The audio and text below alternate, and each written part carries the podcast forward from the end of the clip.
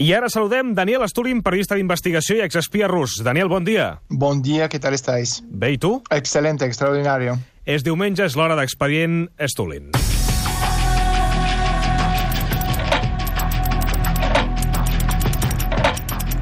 Expedient Stulin. Avui, Wall Street. Les borses mundials tanquen avui una setmana molt complicada, marcada per la forta caiguda de Wall Street dilluns passat i els intents de recuperació dels dies posteriors. La baixada del 4,6% en una sola sessió de dilluns representa la caiguda en punts més gran de tota la història de la borsa americana. Wall Street va passar bruscament de màxims històrics al pànic venedor, contaminant la resta de parquets mundials. I la pregunta, què ha passat, Daniel, a Wall Street? Bueno, pasado lo que ya hemos comentado tanto en mi libro, La trastienda de Trump, como la lógica ¿no? que impone al fin y al cabo cuando estamos hablando de un modelo insostenible. Este modelo insostenible está basado en crecimiento ilimitado en planeta Tierra con recursos naturales limitados. Entonces, cuando tú llegas al fin del ciclo, el modelo es liberal banquero financista y no hay dónde seguir expandiéndose, a salvo que tú te vas al espacio. Y por eso también vino Donald Trump, como explico en el libro, como un modelo, buscar un modelo alternativo al actual modelo que ya no da más de sí. Entonces la pregunta es, ¿y ahora qué? Y las consecuencias de esta ahora qué? Estamos viendo estos días con el primer de muchas desplomes que estamos viendo en la bolsa de, de Wall Street y otras bolsas en el mundo. Però per què ara? Per què cau ara la, la borsa? Ho dic perquè Donald Trump, per exemple, havia presumit que la borsa havia crescut de forma sostinguda durant el primer any de, de mandat de- d'ell i, en canvi, eh, aquests màxims històrics que havia arribat sembla que ara se'n van avall. Bueno, eh, mira, sin entrar en las teorías de conspiración, yo te pongo un ejemplo de la crisis 2007 para explicarlo mejor.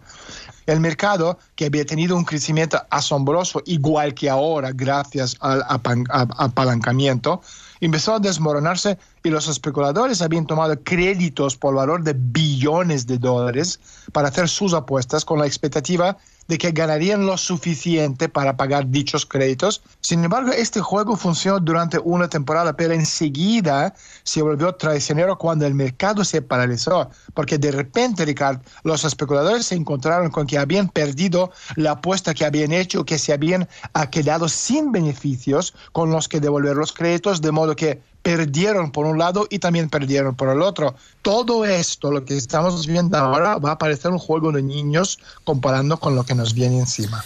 Pero por mucho dinero, Ricardo, que inyectasen, el sistema continúa desmoronándose porque el dinero empleado en el rescate, un dinero que no tiene ninguna utilidad económica, igual que ahora, no hace sino acelerar dicho proceso.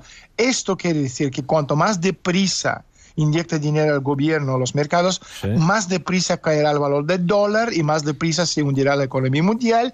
Exactamente lo que estamos viendo ahora, con la única diferencia que en el año 2008 todavía había muchos instrumentos para sanear y salvar el sistema. Estos eh, eh, instrumentos hoy día ya no existen más. Y esto quiere decir que cuando viene el crack, y puede venir mañana, dentro de dos semanas o seis meses, todo esto, lo que estamos viendo ahora, va a parecer un juego de niños comparando con lo que nos viene encima. Crec que és la, la clau, no? Eh, El dòlar, que el dòlar sigui dèbil, al final el que això es tradueix en que exportar, per exemple, als Estats Units serà molt més barat i importar molt més car. Per tant, l'economia interior s'enfortiria a costa de mercats com l'europeu i el xinès. Tú ten en cuenta una cosa, que eh, es, es- es- es decir, la economía, todas las economías están muy, muy débiles. Aunque yo estoy escuchando eh, en los medios de comunicación, eh, ayer o antes de ayer, eh, eh, Rajoy hablaba de que la economía es mucho más sólida que hace eh, 10 años. Esto es una mentira cu- cuando están diciendo, o sea, es decir, mira, eh, por ejemplo, en Estados Unidos no disponen de los casi 4 billones de dólares que necesitan para pagar la jubilación de los trabajadores. Y es lo mismo que reconoció Rajoy el otro día. Y por supuesto, están eh, los informes financieros anuales del Tesoro estadounidense que declaran ya que el gobierno de Estados Unidos está en quiebra en este mismo momento. Esta es la realidad que estamos viendo. Nada de lo que nos están contando, que el mercado mundial financiero es mucho más ah, sólido que hace 10 años. Es mentira.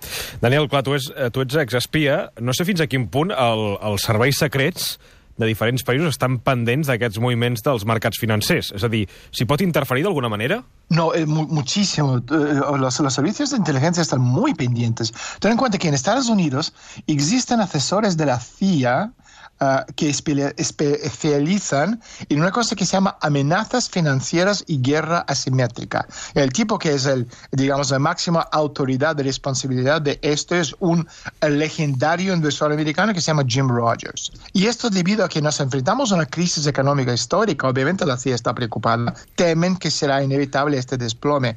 Uh, las señales que la CIA ha seguido de cerca son muy claras. Se avecina una inminente caída de los mercados bursátiles de 70% mínimo. Y yo creo que es hora de actuar como adultos y responsabilizarnos por las consecuencias de lo que nos viene encima y pedir cuentas tanto a los gobiernos como a los bancos centrales. Hasta el caure, doncs, segons Daniel Estolin, periodista d'investigació i exespia rus que ens acompanya cada diumenge a aquesta hora al suplement. Daniel, una abraçada, que vagi molt bé. Muchísimas gracias, abrazos.